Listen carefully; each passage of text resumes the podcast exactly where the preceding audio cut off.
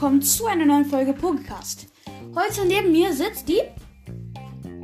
Mein, ja. Ja. ja, den Namen sagen wir jetzt mal nicht, weil der richtig hässlich ist. Kappa. Nein, nein, wir sagen, wir sagen den Namen nicht. So, einfach so aus datenschutzlichen Gründen. Neben mir sitzt meine Schwester. Hi. Ja, genau. Und ähm, heute machen wir die dritte Folge. Ich weiß gar nicht, wie das Format heißt, aber ich nenne es jetzt einfach mal Pokémon besch beschreiben. Keine Ahnung.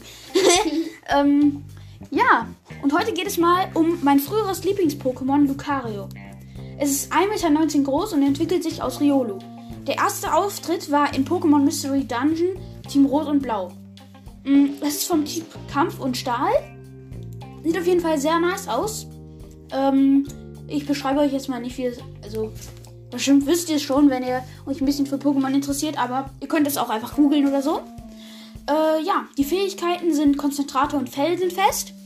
Und er hat eine Schwäche für Kampf, Boden, Feuer, was jetzt nicht so gut ist, so viele Schwächen zu haben. Aber es ist auf jeden Fall trotzdem ganz cool.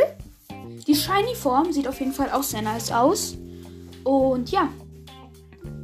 Ähm, wie findest du das Pokémon? Cool. Note? Also ich gebe ihm eine 1 minus. Sieht schon sehr nice aus. Ist auch sehr stark. Mm, Ich gebe ihm